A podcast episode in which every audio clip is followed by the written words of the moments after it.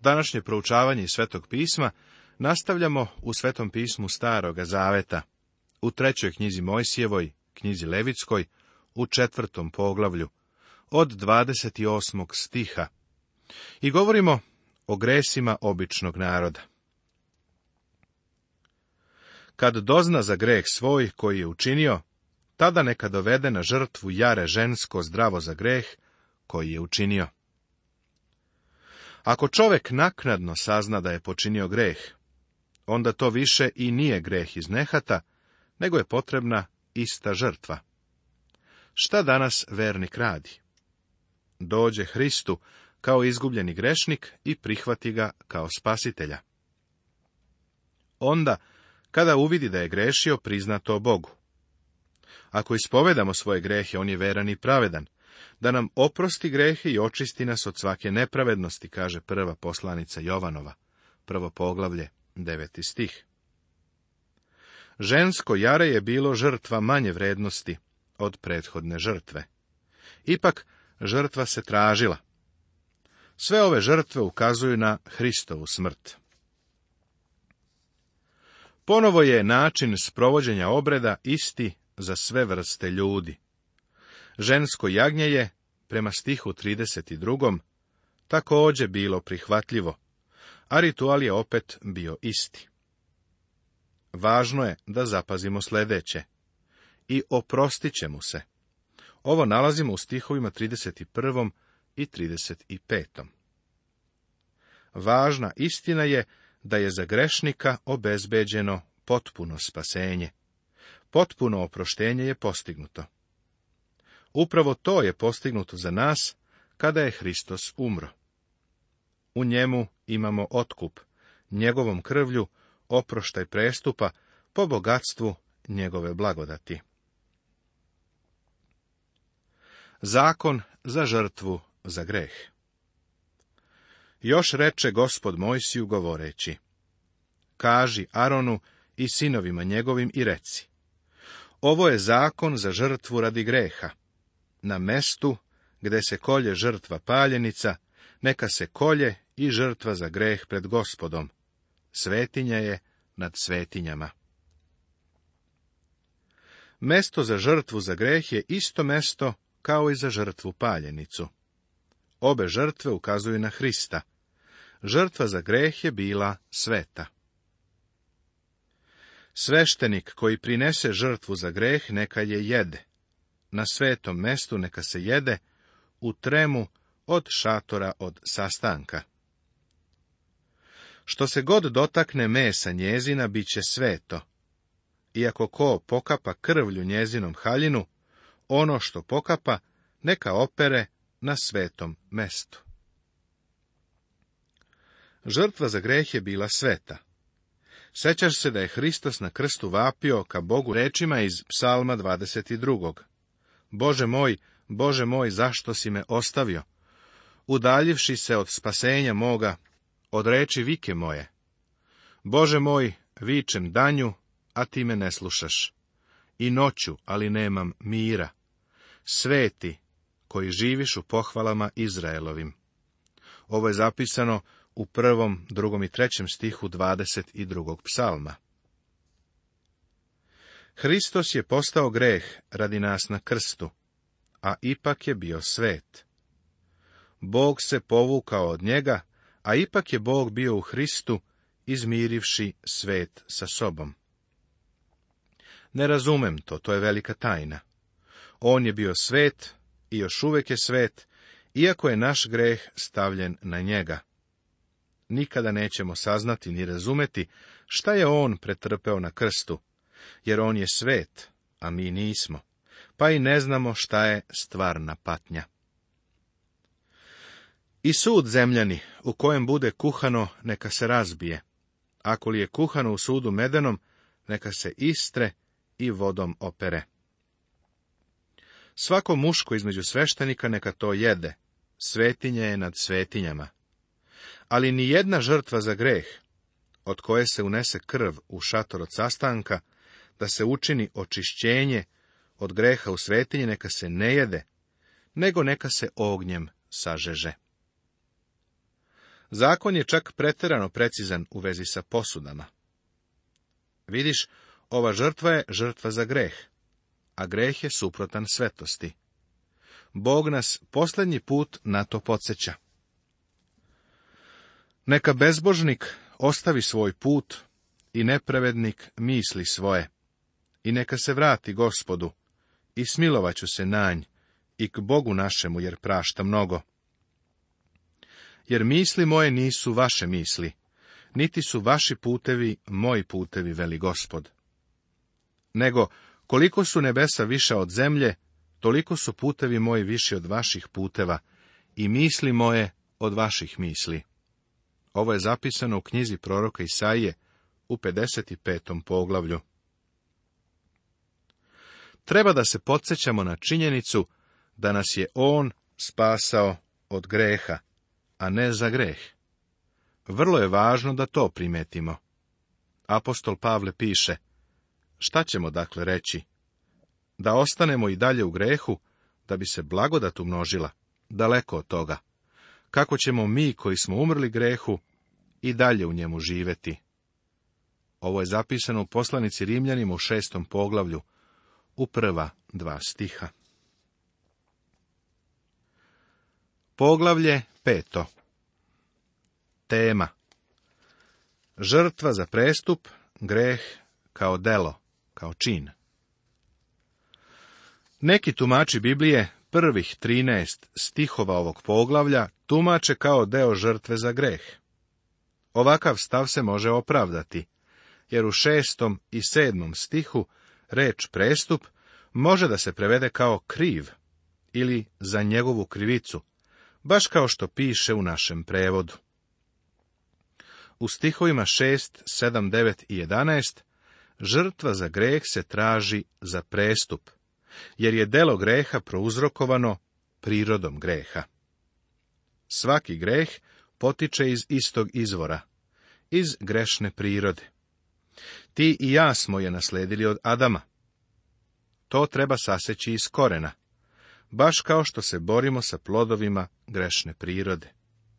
Ovdje u našoj diskusiji celo poglavlje ćemo posmatrati kao žrtvu za prestup. Prestup je reč koja u biblijskom prevodu ima vrlo slično značenje današnjem značenju i upotrebi te reči. Svi razumemo znak zabranjeno. To znači da ne smemo da ugrožavamo prava drugih ljudi. Sloboda je reč koja je u današnje vrijeme tako mnogo pogrešno shvaćena i zloupotrebljena. Mnogi se šetaju unaokolo paradirajući, spaljujući, uništavajući stvari i pritom govore o slobodi.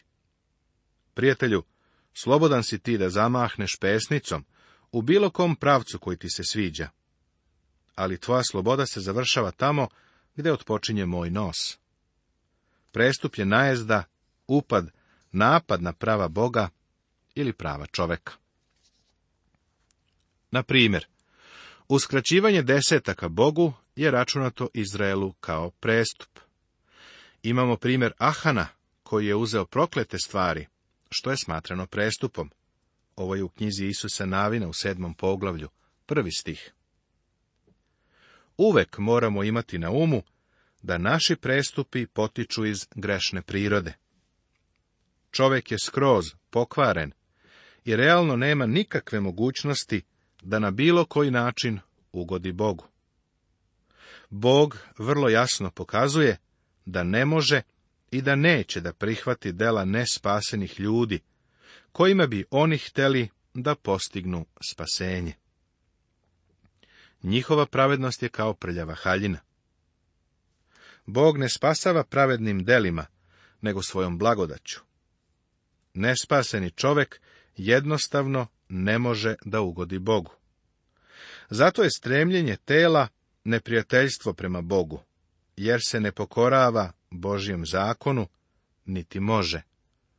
Ovo je zapisano u poslanici Rimljanima u osmom poglavlju, u sedmom stihu.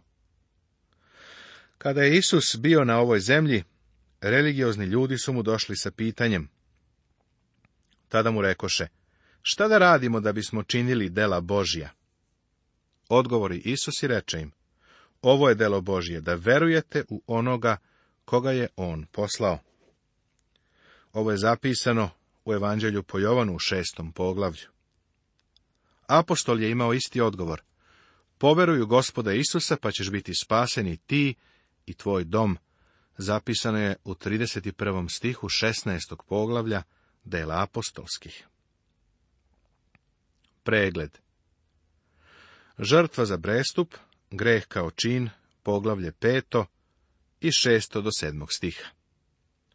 Određena grešna dela učinjena u neznanju nehotice, stihovi od 1. do 13. Neodređena ili ti različita grešna dela učinjena u neznanju, odnosno nehotice stihovi od 14. do 19. Određena grešna dela počinjena namerno, šesto poglavlje prvih sedam stihova, i zakon za žrtvu za prestup, prvih deset stihova sedmog poglavlja. Određena grešna dela učinjena u neznanju ili nehotice. Spisak greha koji su ovde nabrojani očigledno nije iscrpan, ali nam pruža primere nebrojenih greha koji bi se mogli navesti. To su gresi pojedinaca, a ne celog zbora. Veći deo odeljka bavi se lekom, a ne samom bolešću. Tako je ovde naglasak na vrsti žrtve, a ne na karakteru prenosioca, kao što je bilo u žrtvi za greh. I kad ko zgreši, što čuje kletvu, i bude joj svedok, videvši ili čuvši, pa ne kaže, nosit će svoje bezakonje. Dozvoli mi da ovde ponovo kažem, da su ova četiri greha ovde navedena samo primjeri. Mislim da bi čovek mogao da popuni preostali deo treće knjige Mojsijeve određenim gresima, samo ako bi želao da ih sve imenuje. Znam da je neki propovednik jednom sačinio listu od osam stotina određenih greha kojih se setio. Bio je pretrpan pismima ljudi koji su želeli da imaju taj spisak greha. Mislili su da se možda tu nalazi nešto što je njima promaklo, jer nisu mogli da smisle osam stotina greha. Evo, ovdje nam je dato nekoliko primjera. I kad ko zgreši što čuje kletvu, bilo bi bolje prevesti ovako. Ako neko zgreši u tom smislu, što čuje zakletvu? Ovo je vezano za činjenicu da se čula zakletva, da je čovek bio svedok tome. Ako jedan svedok nešto zna, ili je nešto video, ali zadržava istinu na štetu neke osobe, onda je to greh izostavljanja, propusta ili prećutkivanja. I danas postoje ovakvi gresi. Neki ljudi dolaze u crkvu misleći da su njihove ruke čiste, jer nisu nikoga ubili, niti su šta ukrali. Poslušaj šta kaže Jakov. Ko dakle zna da čini dobro, a ne čini, greh mu je, kaže se u poslanici Jakovljevoj u četvrtom poglavlju u sedamnaestom stihu. Solomon se molio gospodu baš za ovo za negovorenje istine, kada svedok treba da kaže tu istinu. Kad ko zgreši bližnjemu svojemu, te mu se da zakletva da se zakune, i zakletva dođe pred tvoj oltar u ovom domu, ti čuj s neba i učini i sudi slugama svojim, osuđujući krivca i dela njegova obraćajući na njegovu glavu, a pravoga pravdajući i plaćajući mu po pravdi njegovoj. Ovo je zapisano u prvoj knjizi carevima u osmom poglavlju, 31. i 32. stih Svetoga pisma Starog Zaveta. Dozvoli mi da ti za ovo dam primjer. Gradska tračara prelazi preko trga. Ugledala je direktora banke kako prelazi ulicu. Njegova sekretarica također izlazi iz banke i ide na ručak, ali je kola udaraju dok prelazi ulicu. Direktor banke trči ka njoj, podiže je u naručje i nosi u ordinaciju, kod lekara. Tračara trči do telefona i zove suprugu direktora banke i kaže, znaš li da sam vidjela drugu ženu u naručju tvoga muža? Vidiš, iako je baš to činjenica, to nije bila cela istina. Ova žena je zadržala važnu informaciju. To je greh prećutkivanja i propusta. Bio sam na jednom sastanku hrišćana, gde se govorilo o jednom pastiru. Tom prilikom su iznesene izvesne informacije koje su bile tačne. Ali to nije bila cela istina. Oni su rekli samo jedan deo i nisu preneli celu situaciju. Bili su spremni da učine da cela grupa poveruje da je saslušala celu priču. To je prestup. Ovo je jedan od najzlobnijih greha koji su mogli da učine. Obrati pažnju na to da je ovaj prestup broj jedan prestup na celom spisku koji Bog daje. Ponovo u pričama nalazimo spisak stvari koje Bog mrzi, a na njemu je i jezik lažljiv. Sećaš se da je Isus većim delom svoga suđenja čutao. Čitamo o tome kako je ostao u tišini ali kada je doveden pod zakletvu, više nije čutao. Tada više nije bio nem kao ovca pred onim koji je striže. A Isus je čutao i prvo sveštenik mu reče, zaklinjem te Bogom živim da nam kažeš jesi li ti Hristos, sin Božiji. Reče mu Isus, ti kaza, ali vam kažem, od sada ćete vidjeti sina čovečijeg, gde sedi s desne strane sile i dolazi na nebeskim oblacima. Ovo je zapisano u Evanđelju po Mateju u 26. poglavlju. Vidiš pod zakletvom, on više nije čutao, nego je posvedočio. Rekao je celu istinu. Ili kad se ko dotakne nečiste stvari, strva od nečiste zverke, ili strva od nečista živinčeta, ili strva od nečiste životinje koja gamiže, ako ju u neznanju učini, ipak će se oskvrniti i bit će kriv. Ovo je zakon o nečistoći. Čovek može da se zapralja u dodiru sa mrtvom životinjom, a da toga nije svestan, iako su drugi svedoci toga. Mrtvo životinsko telo, leš, dodirom je izazivalo nečistoću. Zašto? Verovatno iz zdravstvenih razloga. Ovo nam govori i o današnjem hrišćanstvu. Ne možemo biti u svetu, a da se ne isprljamo gledajući, slušajući i razmišljajući o nekim stvarima. Mi smo nečisti. Možda i ne shvatamo da smo stupili u kontakt sa nečim nečistim. Možda je to ostalo sakriveno od nas, pa ga nismo ni svesni. Ali u Božje prisustvo ne možemo ući sve dok se ne očistimo. Zato je psalmista rekao, ko će znati sve svoje pogreške? Očisti me i od tajnih, kaže 12. stih 19. psalma. Treba ne samo da se uopšteno molimo za oproštenje, nego i da određeno navedemo Bogu greške i da ga molimo za oproštenje. Ali više od toga, treba da molimo za oproštenje greha kojih nismo ni svesni. Ponekad smo nečisti, a da to i ne shvatamo ili kad se dotakne nečistote čovečije, bila nečistota njegova, kako mu drago, kojom se oskvrni, znajući ili ne znajući, krivje. Ovo je slično slučaj sa nečistom životinjom, pa Bog ipak pravi razliku između čoveka i zverke.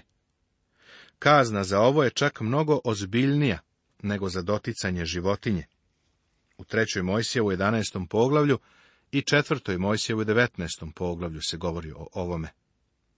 Očigledno da su postojale i druge odlike i oblici čovekove nečistote, a ne samo ove koja je vezana za smrt. Ili kad se ko zakune, govoreći svojim ustima da će učiniti što zlo ili dobro, a za koju god stvar za koju čovek govori zaklinjući se, znao ili ne znao, kriv je za jedno od tih stvari. Nepažljiv govor je uključen u ovo. Ponekad obećamo da ćemo nešto učiniti, a onda to ne izvršimo. Obećamo da ćemo služiti gospodu.